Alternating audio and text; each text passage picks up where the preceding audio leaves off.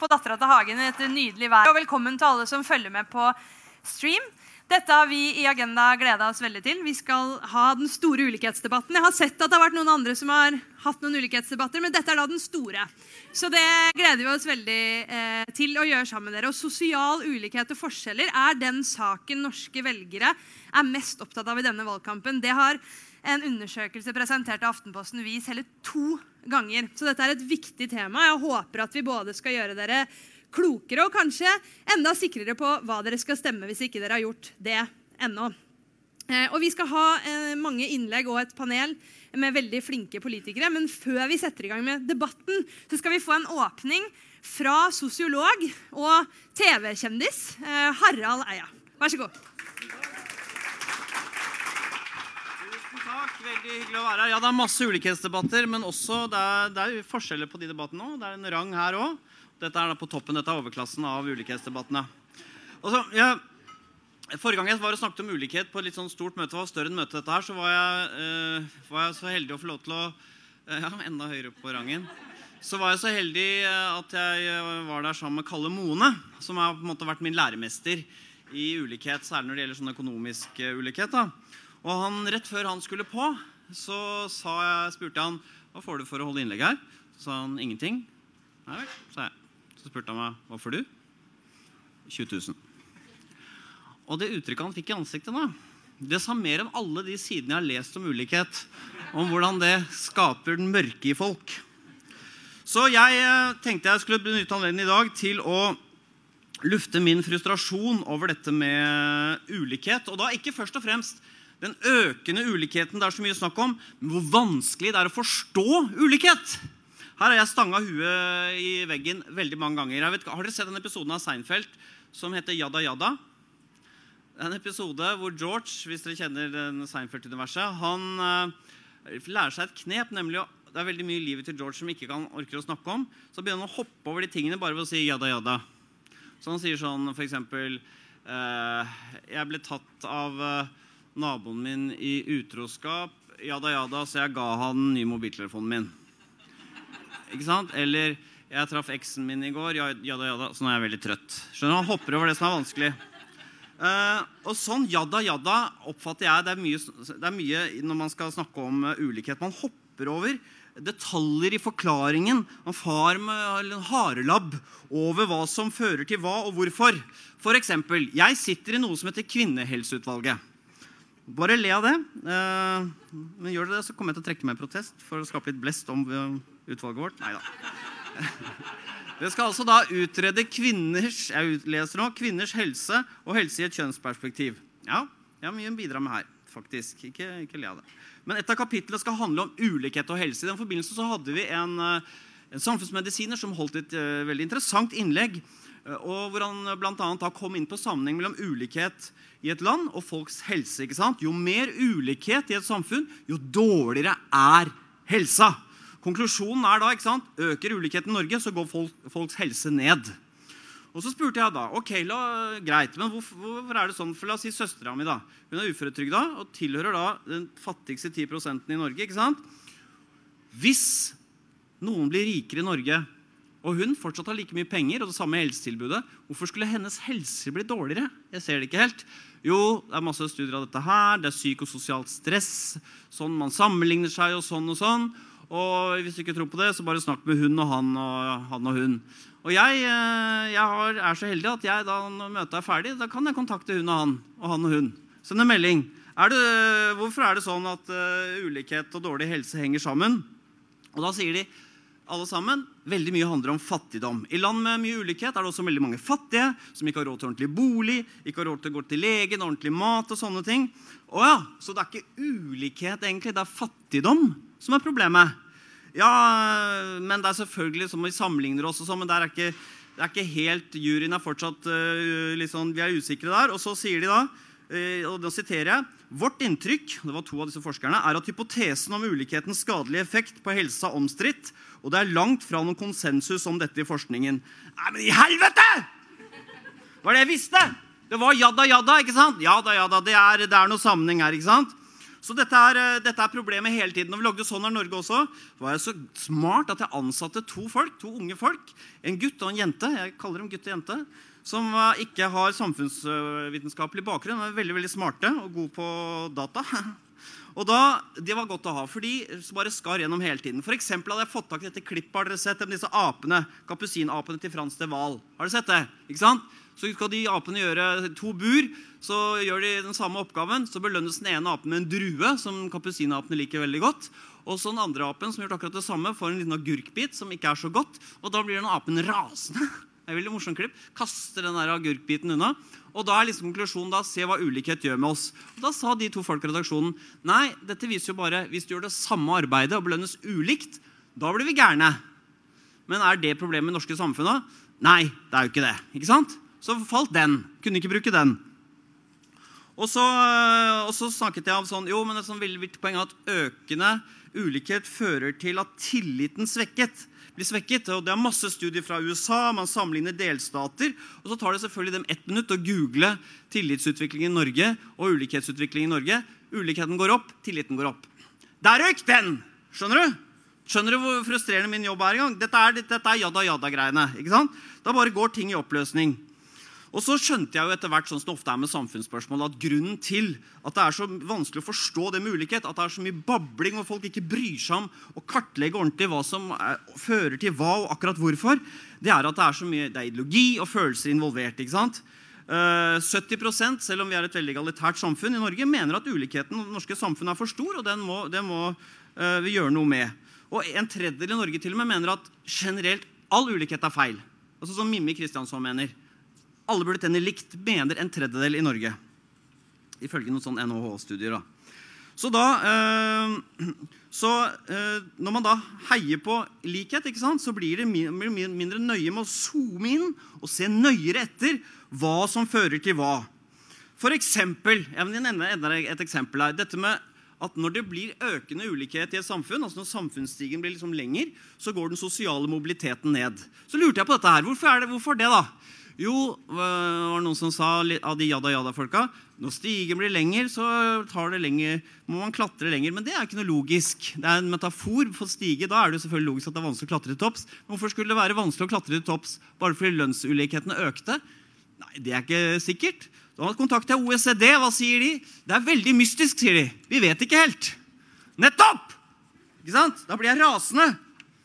Det blir dårlig stemning her, men det gjør ikke noe. Og, så, um, og den forklaringen de kom med, var for å ta det, var at og det er litt komplisert, når mobiliteten går ned når ulikheten øker, fordi da vil uh, de øvre sjiktene bruke mer ressurser på at sine barn skal få god utdannelse. og Da gir på en måte de på, topp, på bånn litt opp. De gidder ikke. De kaster korta, litt som du ser i USA. ikke sant? Ok, Da er vi inne på noe, men allikevel den der lange stigen. Typisk eksempel at dette måtte ryke fra programmet. ikke sant? Og da, Det som skjer da når man har sånn der, et sånt eh, fokus på at ulikhet fører til noe negativt, men vi gidder ikke helt spesifisere hvordan og hvorfor, så blir det sånn at man glemmer litt og overser en veldig viktig ting som veldig mange i Norge har lagt merke til, nemlig at ulikhet er ganske fett. da. Jeg vet ikke åssen det er med dere, men for 20 år siden så vaska jeg huset selv. Jeg skifta dekk på bilen. Og jeg pussa ikke opp huset, jeg hadde ikke råd. Nå har jeg begynt å tjene ganske bra, men i tillegg vet jeg at veldig mange i Norge har vaskehjelp. Mange får råd til å pusse opp fordi det er blitt billig. Ikke sant? Og Det er den gode siden ved ulikhet som også uh, feies litt under teppet. Som, det er ikke noen fanesak for meg, men jeg nevner det. Så hadde det blitt borte. Og da, når jeg hadde disse nerdene i redaksjonen, så, så hvorfor har ulikheten økt? Gjør litt research. Ja, det er høyreregjering og sånn. Og så kommer det tørt fra de to nerdene med den kalde, mekaniske stemmen som ofte nerder har. Så sier de økningen i formuesulikhet startet lenge før Erna Solberg ble statsminister og skjer parallelt i mange land. Ja vel, da røyk den! Skjønner dere? Så det skal jo sies, og jeg har lovt Hanna Gitmark, som har hjulpet meg så mye her, at vi må si litt om at det vært, er noen veldig solide funn når det gjelder fordelen med likhet. Eh, også, selvfølgelig. Kalle Mone, f.eks. Hvordan lønnslikheten eh, er så gunstig for norsk økonomi. ikke sant? Når det koster mye å ansette folk, så må vi være effektive og innføre ny teknologi. og Når i tillegg til de best kvalifiserte er ganske billige, sammenlignet med andre land, så lønner det seg å innføre ny teknologi, for da krever du høykvalifiserte folk. Så det har vært kjempebra. Og det morsomme med det funnet som jeg liker, er at mange av de som er glad i likhet, ikke liker å snakke om effektivisering og produktivitet, og sånn, men de går hånd i hånd. Så det, det synes jeg, Sånne ting syns jeg er gøy. da. Ok, så, øh, men igjen så var det altså så vanskelig. Hvis det er sånn at norske bedrifter blir mer produktive pga. likheten, kan ikke du vise meg forskjellen på en amerikansk og norsk bedrift? Hvor, samme bransje, hvor de henger etter teknologisk, for de har sånne billige arbeidsfolk der, mens vi er liksom high-tech. Nei, det har vi ikke. Det fins ikke. Ingen har undersøkt det. Nå skjønner du hvor vanskelig det er å lage TV. Jeg håper dere skjønner det. Så Noen ganger er det sånn at jeg blir kvalm av å høre om økende ulikhet. For jeg tenker er det masse ting som kastes opp, men det er magert! Jeg vil, jeg vil, og Derfor skal jeg komme med to oppfordringer til dagens debatt i dag. Kan ikke dere gå en runde til med å forklare i detalj hva ulikhet fører til? Hva slags ulikhet fører til hva? Er det sånn at de rikere drar ifra, de fattigere ak sakker akterut? Uh, og hvorfor gjør de det? Hva, hva er mekanismene? Og jeg vil ikke høre psykososialt stress, det, som er som Blindern-ord. Og B, hvis du ikke kan si noe om kausalitet, så må det være stille. Altså korrelasjon. Hvem er det som bryr seg om det? Samvariasjon mellom Hæ, hva da? Driver, det er samvariasjon mellom at folk spiser is og er solbrent. Det driter jeg vel i! Jeg vil vite hva som fører til hva. Det fine været fører til solbrent og isspising. ikke sant? Så Det er min oppfordring. Og helt til slutt, jeg vil bare si at jeg, Det jeg sa om Kalle Moen den gangen, det er bare tull. Jeg fikk ikke 20. Jeg fikk 30. Ja da, ja da. Tusen takk for meg! Lykke til med debatten! 10.30, Hanna hos oss så fikk ikke Harald Eia så mye, for å si det sånn. Nei. Og jeg skal sende Harald Eia alle våre grundige agendarapporter og rapportene fra NHH og fra UiO, og så skal vi sette oss ned og se på de sammen. Og så skal vi se alle Sånn er Norge-programmene eh, på nytt. Men husk at du sa det var lang stige. ja. Og Her kan det godt hende at eh, begreper som psykososialt stress kommer opp igjen. For det er et uh, viktig begrep og også nyttig å diskutere i ulikhetsdebatten. Så her lar vi oss ikke skremme av sånne begreper, for nå skal vi gå i detalj i ulikhetsspørsmålet. Og med meg her så får jeg et eh, kjempekompetent panel fra, eh, fra høyre til venstre. Jeg tror jeg bare ber dere opp i rekkefølge. Først SVs Kirsti Bergstø. Vær så god. Kan stille deg der hvor du vil. Og så Arbeiderpartiets eh, Hadia Tajik, vær så god. Og Senterpartiets Sigbjørn Gjelsvik, vær så god. Og Høyres Heidi Nordby Lunde. Og til slutt FrPs Sivert Bjørnstad, vær så god. Så vi passer på å holde litt uh, avstand. Jeg prøver meg på et, eh, egentlig, sånn, nå er det litt sånn i vinden å prøve å få eh, et veldig kort svar. Så jeg skal prøve meg på det eh, først. Ja. Så jeg begynner med deg, Heidi. Er forskjellene for store i dag, og hvorfor er det eventuelt et problem? La oss bare eh, fastslå at er, eh, For et samfunn så er det uheldig å ha for stor ulikhet. og Vi ser at ulikheten øker, ikke bare i Norge, men i resten av Europa. Og det blir et problem dersom man ikke kan forklare hvorfor, eh, og heller ikke gjør noe med det. For det har noe med tilliten i samfunnet og legitimiteten til den velferdsstaten alle er med på å finansiere, dersom man, det blir for stor ulikhet og, og, og folk opplever det som urettferdig. Sivert Bjørnstad. Eh, ja, i form av at eh, for mange detter utafor samfunnet. Eh, jeg syns ikke isolert sett det er sikkert et stort sjokk for dere som er her, at det er et stort problem at de rike blir rikere. Men jeg syns det er et problem at, at når forskjellene blir for store, i form av at noen vedvarende blir på det laveste trinnet, som Harald Eia snakka om, da har du et stort problem. Og det er, det er tre store problemer hvis forskjellene blir for store. Det ene er selvfølgelig det med fattigdom. Det andre er det med at uh, politisk makt og innflytelse kan uh, komme på for få hender. At, det, at penger blir uh, det viktigste drivkraften i politikk, litt sånn som i USA. Og det siste er at, at man får parallelle samfunn, eller at man føler at man ikke har den samme tilhørigheten til samfunnet om man bor der eller der, eller om man er oppvokst i det huset eller det huset. Til og med Frp kommer på flere grunner til at ulikhet er skadelig enn Harald Eia. Vær så god, Senterpartiet. Er forskjellene for store i, i Norge i dag? Ja, åpenbart. Altså, både sosiale og geografiske forskjellene i Norge er altfor store. Eh, og selvsagt skal folk ha mulighet til å kunne bli rike i Norge, men noe av det som er mest provoserende for folk, tror jeg, er når en ikke har eh, skatt etter evne, at de som har eh, den største og kraftigste ryggen og bidrar mest til fellesskapet. Og Det er noe som både berører tilliten mellom folk, samholdet mellom folk. I tillegg så, altså Jeg hørte Harald Eie sa at en kan ikke lese noe ut fra verken OSD eller noen andre. Vel, OSD har jo også pekt på at for store ulikhet hemmer den økonomiske veksten. Dokumentert det over eh, tid. Og, og mange andre faktorer i, i samfunnet. Mm. Hadia Tajik. Altså, det er artig, for Du stiller bare et ja-nei-spørsmål, men du får liksom veldig mye mer. Men det, men det korte svaret er at ja, forskjellene er for store. Og Det handler jo grunnleggende sett om at selv om talent er like sannsynlig å finne eh, egentlig hvor som helst det er like sannsynlig å finne det i en flyktningleir eller et flyktningmottak eller i en bakgate et eller annet sted som det er å finne talent på en eliteskole. Men mulighetene er jo ikke like jevnt fordelt. Så selv om talent kan du finne overalt, så er muligheter ikke noe du kan finne overalt. Og dermed så går vi som samfunn glipp av de talentene som finnes der ute. de ressursene som finnes der ute, I tillegg til at det er urettferdig for den enkelte, som egentlig kan ha et enormt potensial, men ikke får muligheten til å utvikle de evnene og altså forutsetningene som vedkommende har. Så det både er urettferdig, og så er det eh, dumt for oss som samfunn å ikke bruke de ressursene som tross alt finnes. Kirsti Bergstø. Ulikhetene i makt og rikdom øker. og Avstanden mellom dem som har minst og dem som har mest, blir jo stadig større. Eh, og det gir et dårlig samfunn. Eh, og det er jo sånn at Forskjeller handler jo ikke om grafer og tall og statistikk. Det handler om folk. Om muligheter til å leve gode og frie liv. Og når de svære pengene brukes til dem som mest eh, fra før, og de rikeste de får skattekutt, mens vanlige folk opplever velferdskutt, ja, så er det mange som merker de forskjellene på kroppen. Eh, og Et eksempel på det er jo at de 1000 rikeste de har fått to millioner hvert eneste år i skattekutt fra Erna Solberg sin regjering. Samtidig som brillestøtte til barn, arbeidsavklaringspenger for syke eh, og dagpenger, nei, eh, feriepenger for arbeidsløse er under, eh, under, press og blir kutta på. Og så synes jeg jo det er artig at Harald Eia sier at ulikhet kan være litt artig, eh, fordi at å ha mange råd til vaskehjelp. Jeg lover dere én ting. Hun som vasker hjemme hos folk, hun har ikke vaskehjelp.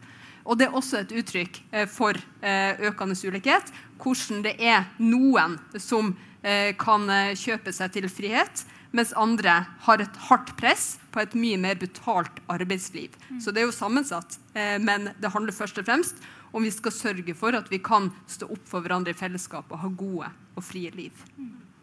Hadia Tajik, eh, Sivert Bjørnstad var inne på at det er en forskjell på eh, fattigdom og ulikhet. Han er ikke så bekymra for at de rikeste blir rikere, selv om, selv om jeg oppfatter at, at, de rikeste får så mye makt som i USA, ikke er noe bra. Men kan vi se tegn på at, at økende rikdom hos de rike blir et problem på noen måte her hos oss? Ja, man ser det jo blant på at den, eh, Når man ser den totale andelen i formue i Norge, så har de rikeste i landet fått en stadig større andel av den formuen. Altså Den er rett og slett ikke rettferdig fordelt. Og Det handler jo også om at man nå i åtte år eh, har hatt en regjering som har prioritert å bruke de store pengene på å gi store skattekutt til de rikeste, i stedet for å bruke det på å bidra til at flere kommer i arbeid, at det er trygge jobber det de går til, at vi har i større grad et eh, ja, felles velferd som er uavhengig av størrelsen på lommeboka, eller uavhengig av hvor i landet det er du bor.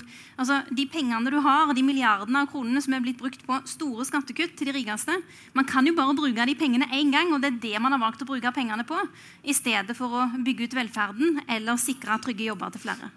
Eh, Sivert Bjørnstad, du, du, tok jo opp dette selv, men Syns du det er tegn i dag på at de rikeste har for mye makt og innflytelse i, samfunnet? Um, om man har for mye makt og innflytelse Jeg syns det, det, er ganske betegnende. Hvis du spør Gustav Witzøe om det samme etter den debatten han prøvde å dra opp her ute på Frøya for noen uker siden, så tror jeg han vil svare nei, fordi eh, også rike folk blir kraftig motsagt eh, i Norge. Men om det er for mye makt knytta til det så Åpenbart så har man jo muligheter mange andre ikke har. Men jeg er mer opptatt av hvordan vi skal klare å løfte i bunn. Og når Hadia sier at nei, de store pengene har gått til, til, til skattekutt til de aller rikeste, så er jo ikke det riktig. Offentlig sektor har aldri vært større enn den er nå. Og Det er et nederlag for meg som en uh, borgerlig Frp-er å si. Men at offent det offentliges andel av BNP står nå for over 60% som overhodet ikke er bærekraftig over tid, viser jo at også høyresida har vært mer opptatt av å bygge ut offentlig velferd enn å uh, gi mer til de rike. Og det, det syns jeg er jeg, jeg, jeg, har et stort problem med at vi har stått for den politikken. Heidi, Er du bekymra for toppen av inntekts- og formuesfordelingen? Kan det bli for mye? Er det farlig? Vil det gi eh, for mye makt til én gruppe mennesker? Og er vi i nærheten av det nå? Jeg tror ikke vi er i nærheten av det nå. I, altså, I internasjonal sammenheng så er det forholdsvis ganske liten andel av norske formuene som er på private hender. Den store offentlige rikdommen ligger jo i det offentlige. Eller den store samfunnsrikdommen ligger jo i, i det offentlige. Men den private vi har, er ganske skjevt fordelt? Den, det, eh, vil det alltid være, og sånn har det egentlig alltid vært. Du, en, du hadde Fra 80-tallet så hadde du jo en mye mer utjevning av norske samfunn. Norske samfunnet var ganske mye mer likt.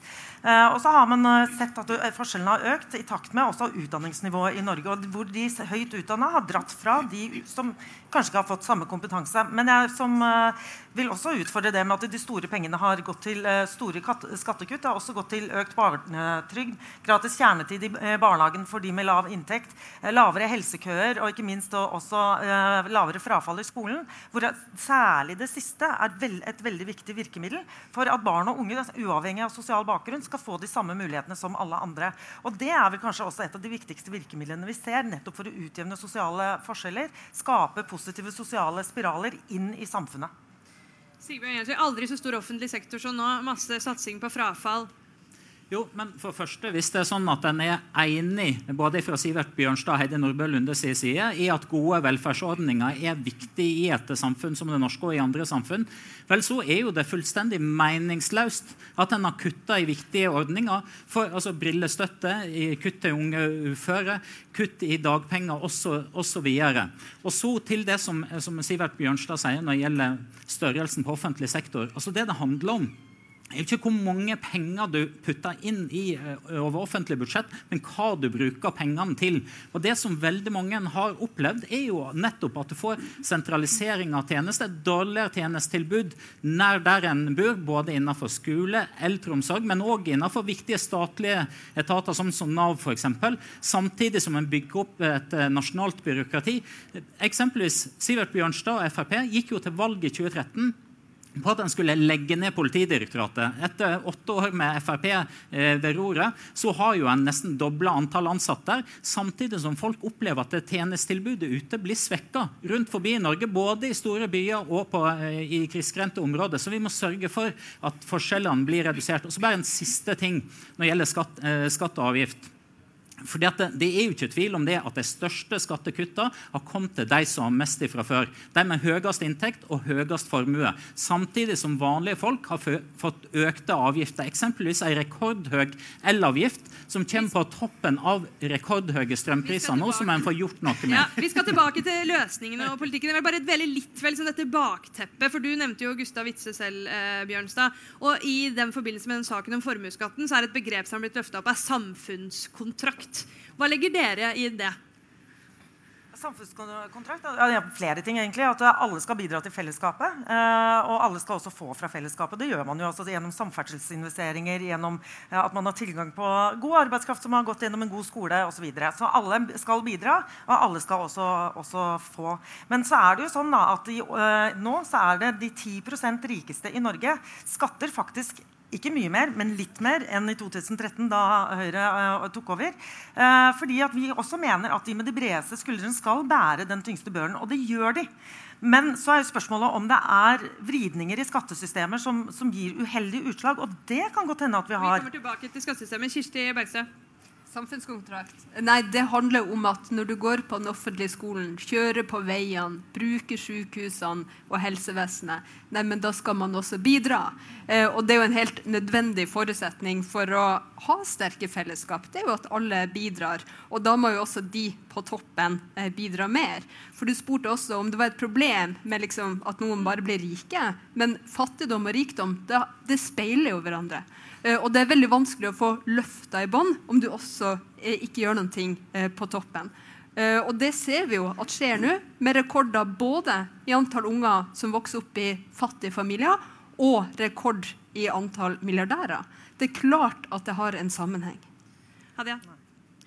Ja, det er klart det har en sammenheng. Og det man jo eh, ser, er at eh, når man ser på veksten i kjøpekraft, så ser man at eh, de 10 eh, med lavest inntekter de har hatt omtrent null vekst. Mens de aller, aller rikeste i landet de har dratt ifra. Og dette er konsekvensen av flere ting. Det er ikke sånn at det bare er politikk eller bare regjeringer som har bidratt til det, men deres politikk har jo vært med på å forsterke det fordi de har gitt store skattekutt til de rikeste. Men òg fordi de har ikke valgt å bruke pengene på f.eks. sikre jeg, tryggere jobber, styrke arbeidsmiljøloven, bidra til at det blir flere faste hele stillinger, mindre bruk av innleie, styrke Arbeidstilsynet sånn at de er ute og gjør kontroller på virksomheter som trenger det, og ilegger sanksjoner når det er brudd på arbeidslivets spilleregler. Og grunnen til at dette er viktig, er fordi Hvis du sammenligner utviklinga i kjøpekraft under denne regjeringa med det som var tilfellet under Stoltenberg-regjeringa, så så man at utviklinga i kjøpekraft var på 2% for alle. Altså både de på topp og de på bånn.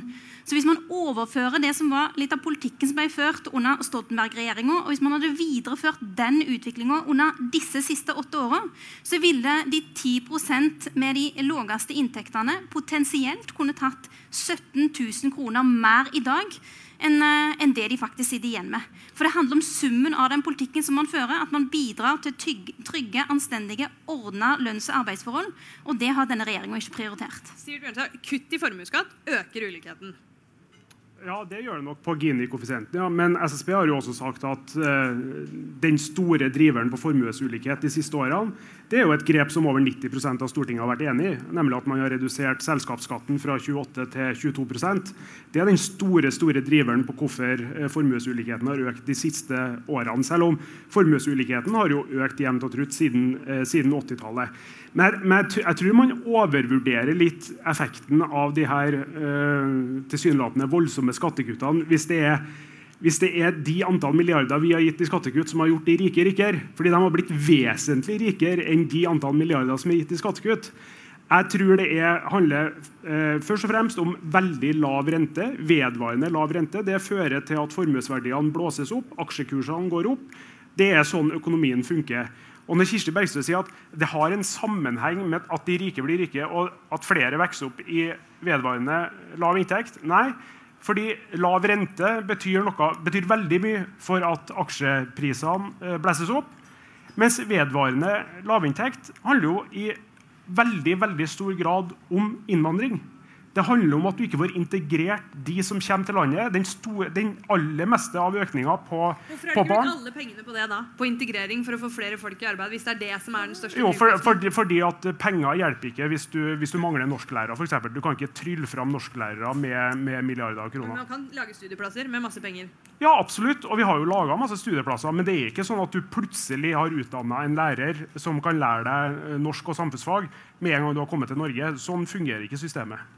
Men er problemet at det er for lite norsklærere for de som ikke kan norsk? Er det det som er forklaringen på manglende integrering? Det er ikke for det at dere har kutta i norskopplæringen på de som sitter i asylmottakene, økt kontantstøtta, som man jo vet, og det er dokumentert, at bidrar til å holde flere damer med innvandrerbakgrunn hjemme, heller enn å stimulere til at de får muligheten til å være i jobb og bidra til en inntekt til familien, forsørge seg sjøl, og òg på den måten være et forbilde for ungene sine og deres framtidige muligheter.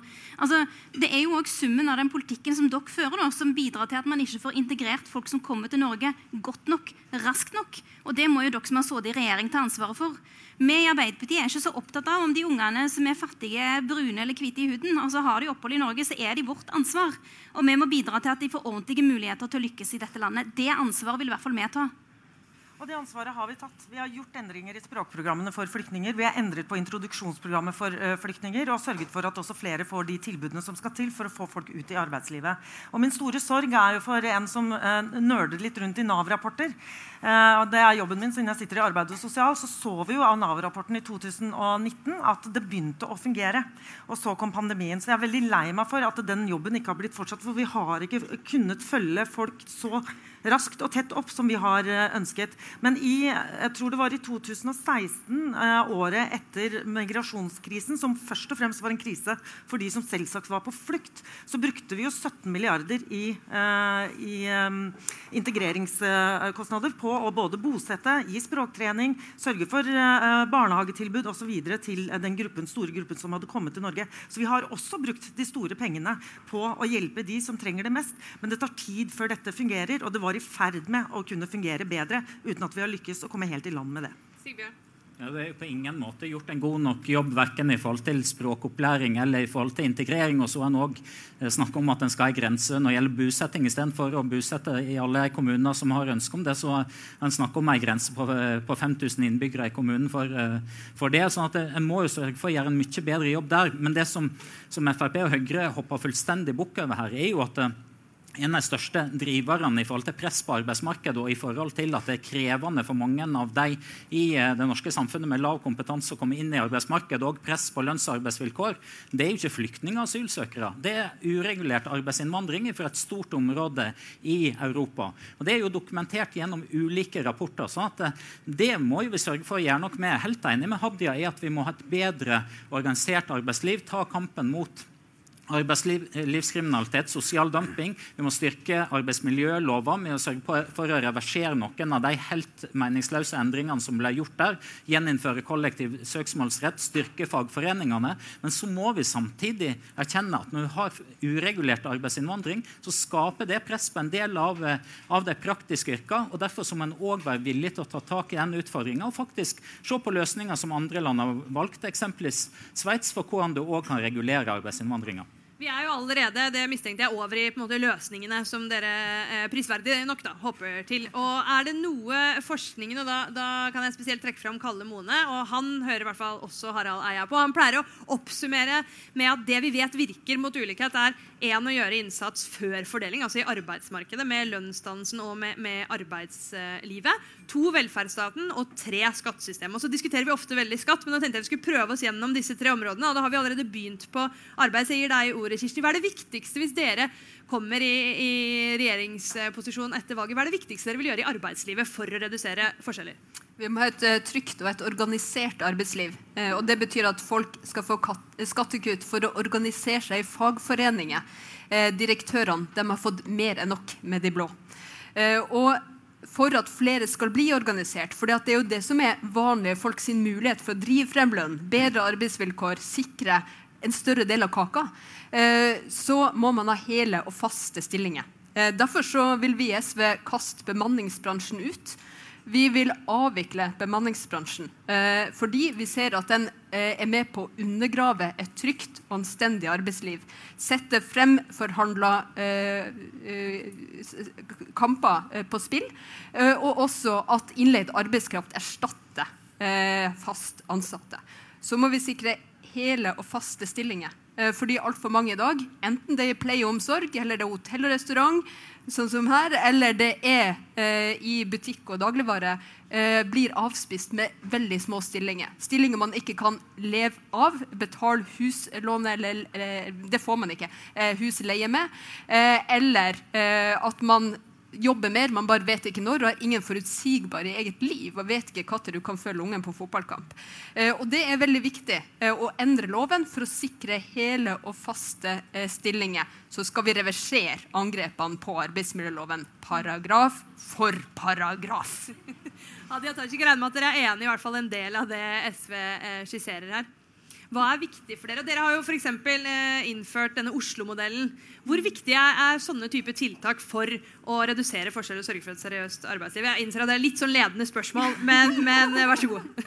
Altså, Det er helt avgjørende. Og det er fantastisk egentlig egentlig å høre eh, altså både Sigbjørn og Kirsti snakke om hvordan de tenker omkring hva slags arbeidsliv det vi trenger. og Det bare viser hvor viktig det er å få til et skifte, en ny kurs for Norge med Arbeiderparti-ledet regjering med disse to folka her. Eh, fordi vi tenker ganske likt om endringene arbeidsmiljøloven trenger. Innstramming på innleie, fjerne den generelle adgangen til midlertidige ansettelser. Men vi trenger òg en overordna modell for et seriøst og organisert arbeidsliv. Man har en modell i, Oslo, man har en i Rogaland, man har en i Telemark og en del andre plasser. Men det er behov for å sette noen veldig tydelige standarder nasjonalt òg, sånn at det er de seriøse bedriftene som opplever at de har et konkurransefortrinn, og ikke de useriøse, sånn som man ser i en del sammenhenger i dag. Og det er i hvert fall tre ting en sånn norgesmodell må bestå av. Eh, og det er at Man må fjerne den generelle adgangen til midlertidige ansettelser. Man må stramme inn på bruken av innleid arbeidskraft. Men det tredje, sånn som vi ser det i Arbeiderpartiet, er også at vi trenger en læreplassgaranti. Det er jaggu meg på tide. At de ungdommene våre som velger yrkesfaglige linjer, er, er, får forsikringer om at det faktisk finnes en læreplass for dem i den andre enden, som gjør at de kan fullføre utdanningen sin sånn som de hadde tenkt, tett på arbeidslivet. Hvis ikke så risikerer man å få et A- og B-lag òg blant yrkesfagelevene. Altså de som får eh, ta fagbrev tett på arbeidslivet, og de som må fullføre med et ekstra år på, på videregående skole, sånn som Høyre og Fremskrittspartiet har tenkt å legge opp til. Eh, og Det mener jeg at det er ikke en heldig eller ønskelig utvikling når vi har så stor mangel på, på eh, folk med fagbrev. Men òg fordi vi ønsker å bruke norgesmodellen til å stille krav til eh, bruk av lærlinger på kontrakter, sånn at det er de bedriftene som prioriterer dette, som faktisk òg opplever at de vinner fram. Heidi, litt eh, sånn ledende spørsmål fra en sentrum-venstre-tankesmi for dere bare tåle. Eh, også et lite sleivspark, for dere er jo eh, opptatt av eh, den norske modellen. Det sier eh, tror jeg alle norske partier. Likevel så har jo dere en regjeringsplattform der dere slår fast at dere anerkjenner retten til å være uorganisert. Og For mange høres det veldig rart ut. hvordan kan dere gjøre det når dere samtidig er opptatt av den norske modellen? Det, det, skjønner jeg veldig godt. Altså, den norske modellen er jo en forutsetning også for at vi klarer de store omstillingene som vi skal gjennom, og partssamarbeidet for å få bl.a. en kompetansereform for å kvalifisere eller rekvalifisere folk inn i yrkeslivet. Kjempeviktig. Men eh, hvert år har jeg vært med fra, ja, i fire år nå, så har jeg vært med på å legge fram YS eh, øh, arbeidslivsbarometer. Og Der jo, svarer jo en tredjedel av de som er uorganiserte, at de føler at, de som er, eh, altså at eh, fagorganisasjonene ikke representerer deres interesser. Og det at vi da skal si at vi skal tvinge de til å organisere seg, det syns jeg kanskje eh, heller fagorganisasjonene skal se litt på seg selv. Om de har for en sterk partitilknytning, eller om de oppfattes som at det er i motstrid med arbeidsfolks interesser. Så må de på en måte se på hvordan de kan rekruttere, eh, rekruttere selv. Så er det jo slik at eh, etter åtte år med Erna Solbergs regjering, så er, fortsatt, altså, så er det færre midlertidige ansettelser i dag enn det var i 2013. De 10% rikeste betaler nesten 40 av all personskatt i, i, Norge. Jeg bare nevner dette fordi at det bare påstås og påstås. Og når vi så på for eksempel, Da du var på Arendal sykehjem for å bevise at under Arbeiderpartiet styrte kommuner der klarte man å bekjempe deltidsproblematikken, så svarte jo de at den enklere adgangen til, eh, til 12,5-timersvakter hadde gjort at turnusene gikk opp. De fikk ned deltid, fikk ned sykefravær, og de beboerne følte at de hadde færre å forholde seg til og følte seg tryggere. Det var jo Høyres politikk som bekjempet deltid, ikke ikke Arbeiderpartiets. Og det som er gledelig, er jo at vi ser at uh, fra 2012 så har antall deltidsarbeidende kvinner gått ned fra 42% til 36% Og jeg tror det er rundt 60 eller 70 000 eh, kvinner nå som jobber, uh, jobber heltid. Og det er bra. Vi er ikke i mål, men det gjøres altså mye for oss å bekjempe deltid. Men vi sier jo i Høyre flere må jobbe mer, dvs. Si gå fra nulltid til kanskje deltid. Og flere må gå fra deltid til heltid uh, for om velferdsstaten skal være bærekraftig i uh, framtida. Det, det, gjøres veldig mye for å få til mer heltid og mindre deltid i kommunene våre. Jeg syns det er litt drøyt av uh, Høyre å forsøke å ta æren for det når det er det lokale arbeidet som er med på å bidra til en del av de resultatene som vi får. Det de har gjort fra nasjonalt hold, er jo f.eks. å fjerne det kravet man tidligere hadde til helseforetakene om at de skulle bidra til mer heltidsarbeid. Og de har valgt å ikke bruke Det er et faktum. Det gjorde dere i 2014. Det, du kan riste på hodet så mye du vil, men det, det er noe i hvert fall sånn det er. Og så har de latt være å bruke viktige virkemidler som har blitt etterspurt flere ganger. Som både er å sette på plass en heltidspott som kan være med på å støtte lokale initiativ, eh, eller å gjøre endringer i arbeidsmiljøloven som gjør at de som lyser ut deltidsstillinger, må begrunne og dokumentere behovet for deltid framfor framfor heltid. Det har vært etterspurt. Det er en endring som Arbeiderpartiet gjerne vil gjennomføre, mens vi har møtt motstand på når det gjelder eh, Høyre og Fremskrittspartiet. Altså, grunnen til at eh, flere jobber heltid, er jo fordi rød-grønn politikk virker. Eh, fordi da vi satt i regjering, så gjorde vi en viktig endring med at folk skal ha rett på den stillingsbrøken de faktisk jobber. Eh, og så ser vi jo at eh, det er mye jobb for den enkelte og for tillitsvalgte å få det på plass, enten det er på butikken du jobber eller eldreomsorgen.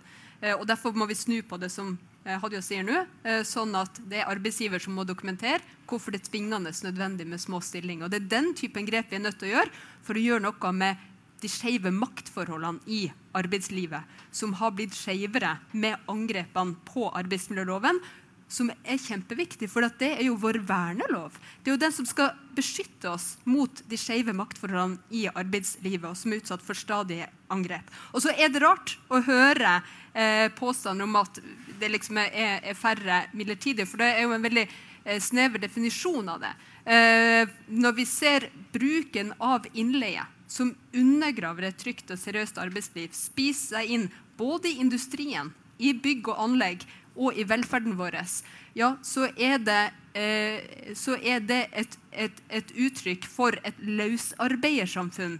Der folk står med hua i handa og jakter på vakter, istedenfor å ha den tryggheten man kan ha, og som vi skal ha, i arbeidslivet. Sigbjørn. Jeg hører Heidi si at en eh, skal reise rundt og lytte til, til hva folk sier. og Det syns jeg absolutt at Heidi Nordbø Lunde skal gjøre òg. Altså, ta en runde i en del av de yrkene som opplever virkelig press på lønns- og arbeidsvilkår, og hvordan en faktisk opplever at sin hverdag har blitt. Og en ting er at det er mange ulike faktorer som påvirker det, men hvordan politikken påvirker det. Eksempelvis òg når en gjennomfører reformer som bidrar til konkurranseutsetting og privatisering. Se eksempelvis eh, taxireformen. Altså, du kan gå eh, til eh, et parti som en gang i tida var opptatt av drosjesjåfører som nå er bare opptatt av ideologiske tanker om liberalisering. Du finner jo ikke en drosjesjåfør igjen som sier at de vil stemme Frp. Fordi at en har ødelagt en næring sånn som en uh, har gjort det i dag, med den liberaliseringa. Så det må en få tilbake igjen.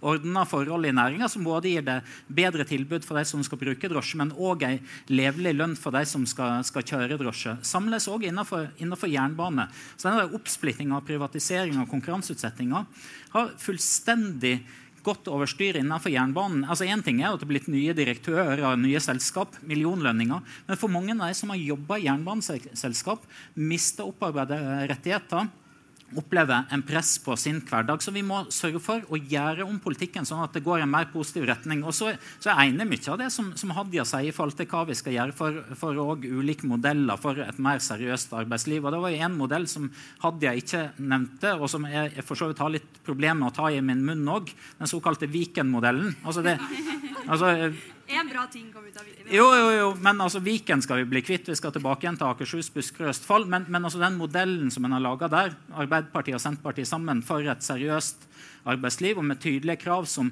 som framelsker de, de, gode, seriøse bedriftene. For at også Bedriftene er jo opptatt av at en skal sette tydelige, realistiske krav, men som kan skjerpe over tid.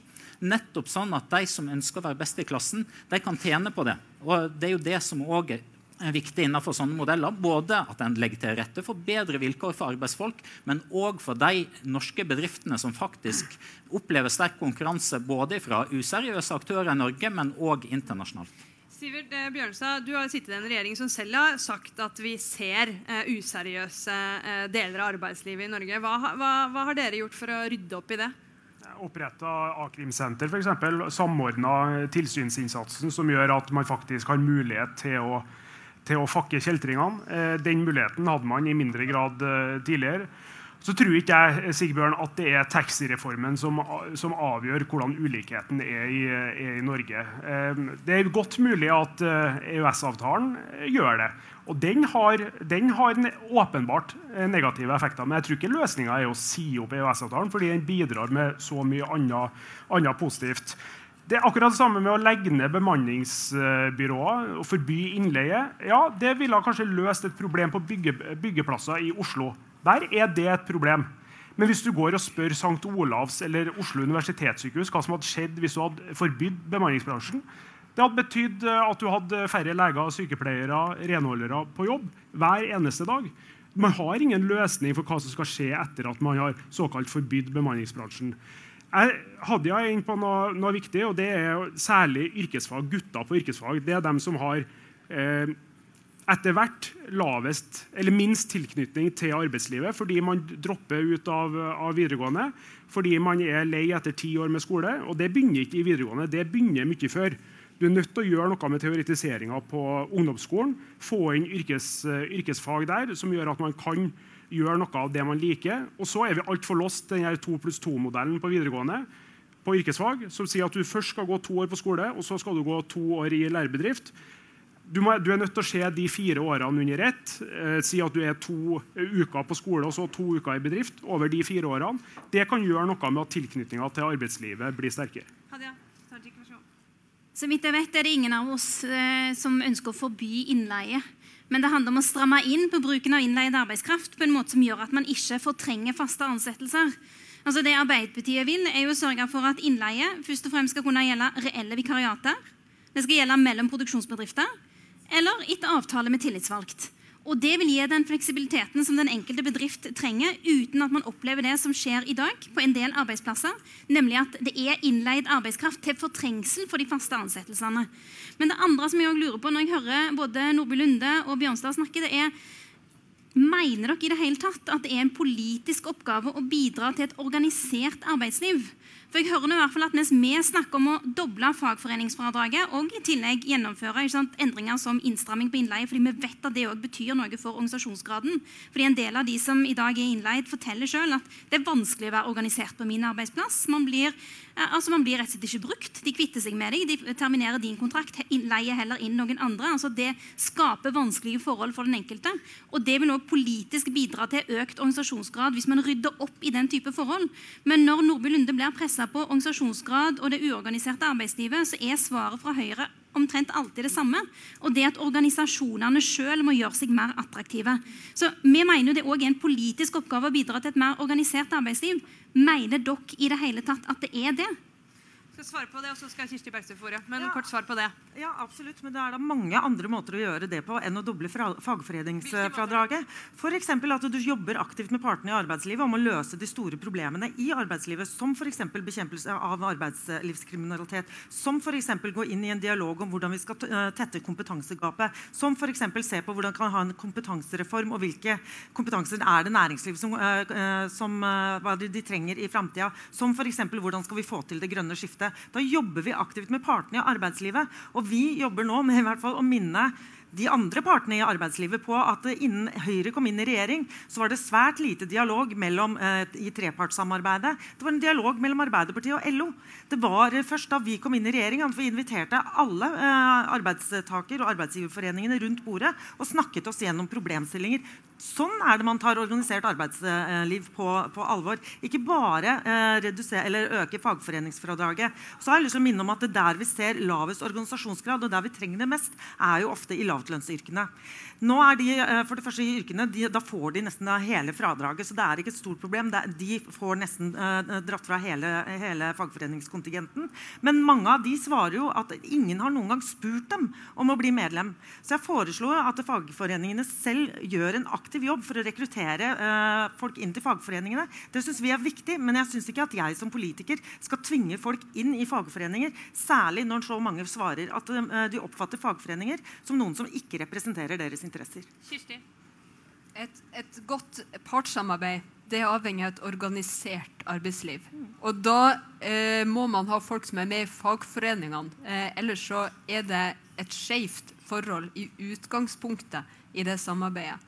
Og så eh, er det sånn eh, at i en del yrker eh, så er det veldig høyt gjennomtrekk. Så selv om Fellesforbundet gjør alt de kan for å organisere folk som jobber i bar og restaurant, hotell, Eh, så eh, er det eh, likevel sånn at gjennomtrekket er veldig høyt. Og da må man på mange måter gjøre samme jobb igjen og igjen. Jeg snakker alltid når jeg kjøper øl, om dem som jobber der, er organisert. Og jeg legger igjen brosjyrer fra Handel og Kontor der er på butikken. Og det, det, er sånn man kan gjøre det. Ikke fordi det er min oppgave, men fordi det er alles oppgave. Fordi veldig mange vet ikke om fagforeninger, som Heidi sier. Eh, og da er det bedre å komme med ett bidrag eh, enn å eh, stille seg bakover og si at man ikke anerkjenner det organiserte arbeidslivet. For det må jo være en forutsetning for å få det. Og da har fagforeningsfradrag noe å si om man blir med eller, eller ikke. Og så vil vi faktisk avvikle bemanningsbransjen. Tenk på det! Det vil vi. Og det er det tre endringer som må til. Det ene er endring i arbeidsmiljøloven, men det andre er arbeidsmarkedsloven. Fordi vi vil si at selskap med eh, hensikt eh, å drive eh, utleie av eh, arbeidsfolk, det, det, er ikke ønska. Det er ikke forenlig med et godt og trygt organisert arbeidsliv. Og så må vi sørge for tilsyn og sanksjoner som svir. Fordi man har oppretta a-krimsentre. De har ikke de hjemlene som skal til for å samarbeide på en god måte. Men de kriminelle de har jo eh, virkelig fått store tider eh, i arbeidslivet eh, i det siste. Og har hatt fest under koronakrisa uten at det er blitt tatt grep. Uh, og Det er noe man er nødt til å røske opp i, men måten å gjøre det på det er å ha trygge tillitsvalgte og et tydelig lovverk som beskytter arbeidsfolk. Okay. Da er vi, som gjør oss litt ferdig med den arbeidslivsbolken. Man skulle selvfølgelig alltid hatt uh, lengre tid. Og så går vi over til skatt. For selv om jeg sa at det er viktig å diskutere andre ting, så er det jo veldig gøy å diskutere skatt. Og skatt er også viktig. Så hva bør gjøres med skattesystemet? Jeg spør deg først, Sigbjørn. Sigbjørn. Hva er det største problemet med dagens skattesystem, ifølge Senterpartiet? Ja, I forhold til et uh, fordelingsperspektiv så er det åpenbart at en uh, må gjøre endringer som gjør at du har lavere skatt for de med lave og middels inntekter. Vi har jo konkret uh, foreslått at det balansepunktet bør ligge på omtrent 750 000. Altså de som tjener mindre enn det, bør få skattelette. En gjennomsnittsarbeider som kanskje tjener en, fem, altså oppunder 600 000 kroner, ville fått 2000 kroner i skattelett med vårt opplegg. Og så, i tillegg, og så mener vi da at de som tjener mer, over 750 000, og de med høye formuer, at de kan bidra noe mer til fellesskapet. Det har de rygg til å bære.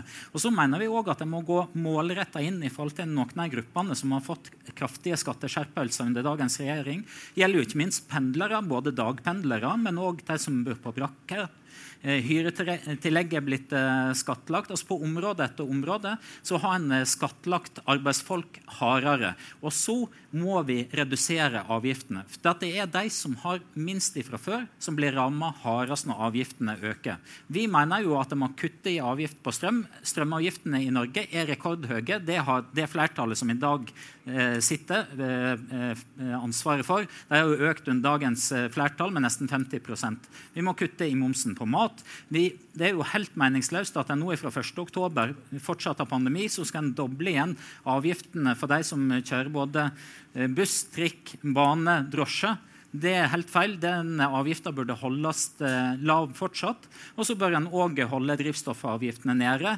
Kutte i avgift på biodrivstoff, bl.a. Jo, men, jo, men altså, det er noe med Du huska hele programmet nå, det er veldig bra. Men det var litt for stort spørsmål. Nei, du har glemt det. Ja, veldig, veldig kort. Nei, ok, nei, ferdig. Bra. bra. Okay. Du skal Sivert eh, Bjørnstad, hvis dere eh, Dere har vel sagt at dere ikke har noen intensjoner om Skulle dere komme i regjering igjen eller påvirke de som har makt i, i Norge etter dette valget, hvordan eh, Vi har intensjoner om sånn- å komme i regjering. Ja, men Kanskje ikke med disse partnerne dere har vært med. Ja, Men de har noen andre med seg på slep som dere ikke er så interessert i. i midten, som vi kaller det. okay.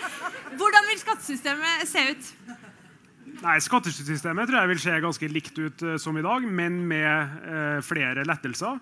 Uh, og det er jo sånn at det var Da Frp hadde finansministeren at de store skatte- og avgiftslettelsene kom her i landet. 35 milliarder kroner. Veldig lite har skjedd etter at vi gikk ut av regjering. Vi vil fortsette å, å jobbe for lavere skatter og avgifter. Når Sigbjørn sier at avgiftene har gått i taket med dette flertallet, så er ikke det riktig. fordi med de avgiftslettelsene som er gitt i år, så er avgiftene ca. der de var i 2013. Det er høyere enn det var i 2013. Ja, det er marginalt. Det er marginalt. Ja, så, så, så, dere har klart å redusere dem noen igjen etter at dere først har økt dem kraftig. Og f.eks. elavgifta er ca. 2,5 milliard kroner høyere i dag enn det den var i 2013. Ja, Men vi vil fortsette arbeidet. da. For, svaret, for å svare uten at disse her kompisene mine svarer, så er det å fortsette eh, å senke skatter og avgifter. Men Er det noe av dette som vil bidra til å redusere forskjeller? sånn som dere ser for skattesystemet? Ja, Vi vil bl.a. ha et jobbskattefradrag eh, som styrker arbeidslinja, og som vil gjøre det mer attraktivt eh, å jobbe.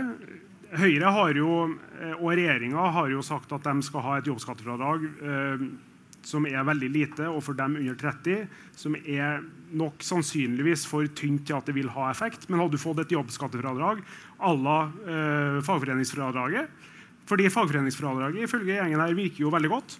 Og da bør jo også et jobbskattefradrag virke tilsvarende godt. Eh, eh, Hadia Tajik fra Arbeiderpartiet, eh, jobbskattefradrag har dere avlyst. Hvilke andre ting er det dere vil, Hva er det viktigste av de grepene dere foreslår som også vil bidra til å redusere forskjellen? Hvis jeg bare kort kan ta jobbskattefradraget først, så skriver altså departementet selv i det høringsbrevet som de hadde når de sendte ut, at Eh, jo, jo, det kutter jo skatten til noen av de som har de laveste inntektene og er under 30, men det øker altså marginalskatten for de som er under 30, men har inntekter mellom 300 000 og 500 000, og det kan bidra til at de jobber noe mindre.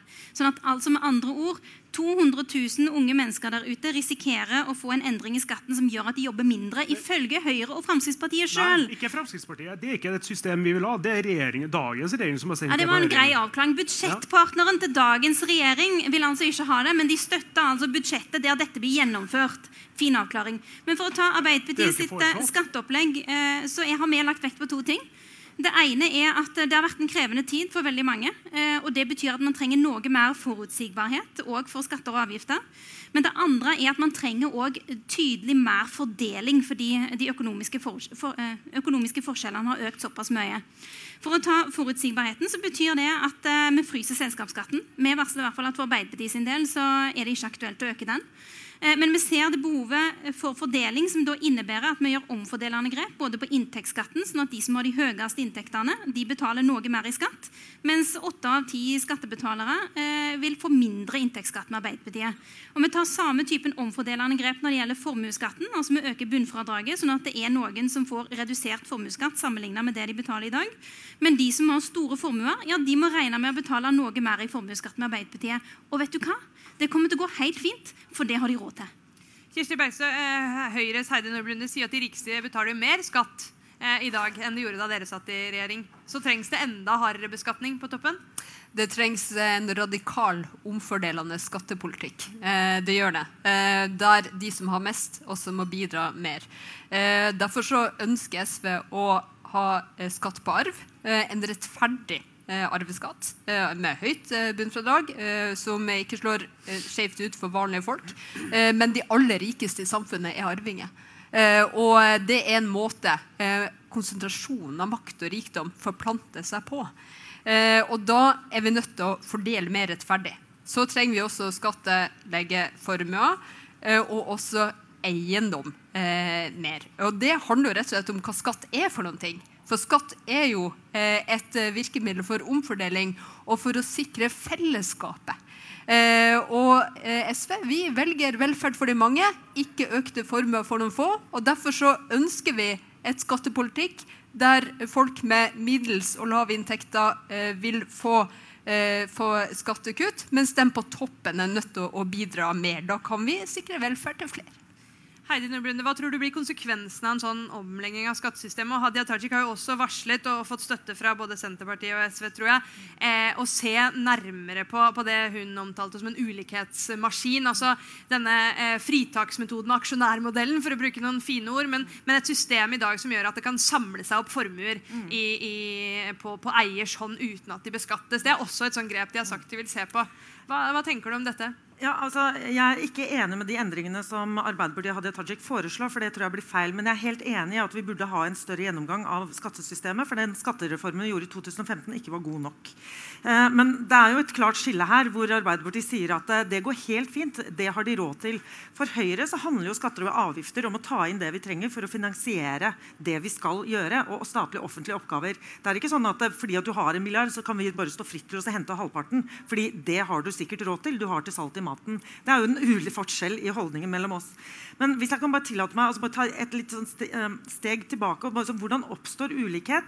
Det kan være at man har innført skatter og avgifter som var riktig i sin tid, men som blir feil over tid etter hvert som de har fått virke. Og at samfunnet har endret seg, teknologi har blitt utviklet, og har, eh, de har skiftet eh, hender. Og vi ser nå også en klimakrise som jeg tror at vi trenger en mye større altså reformer på markedsøkonomiens eh, premisser. Både for å prise ressurser og innsatsfaktorer bedre. Og hvis jeg hadde, um, Dette er ikke høyrepolitikk, så dere trenger ikke applaudere det. selv om dere sikkert er enig.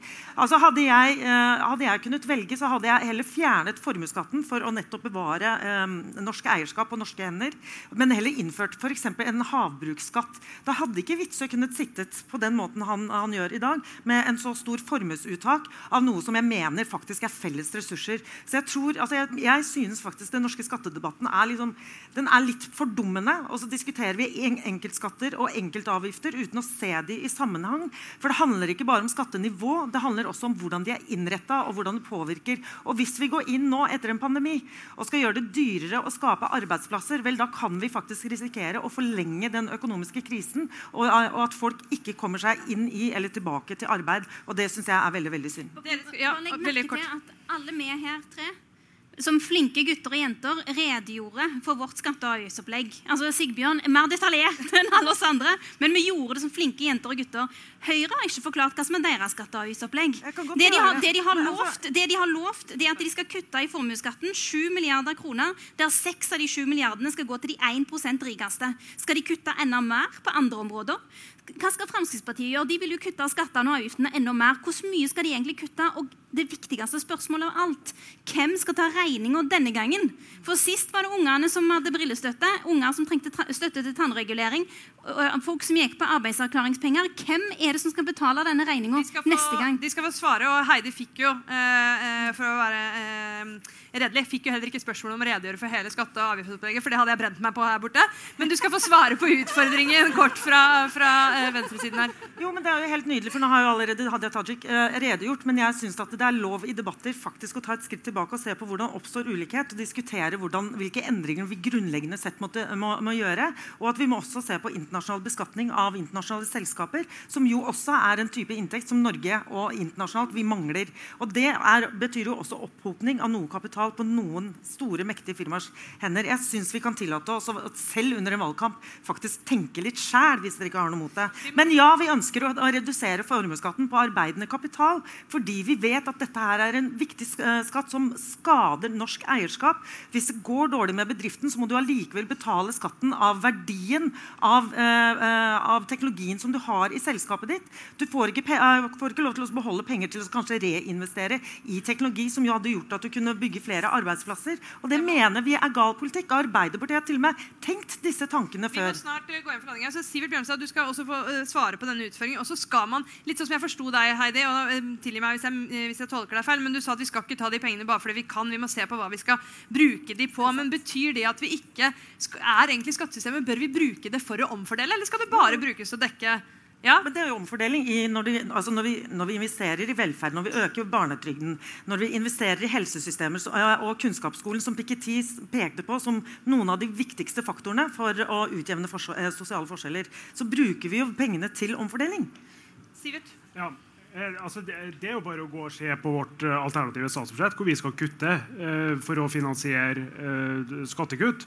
Og Det er jo på bistand, og det er på kvoteflyktninger, det er på statens bidrag i, CCS-prosjektet. Det er massevis av milliarder i statsbudsjettet å finne. Det er ikke noe problem. Eh, så til eh, arveavgift. Hvis du skal ha 70% arveavgift, så er ikke det noe problem hvis man har eh, masse penger i banken eller madrassen. Da er det bare å hente fram de pengene og betale arveavgifta til staten. Null problem. Heller ikke noe problem hvis du har børsnoterte aksjer.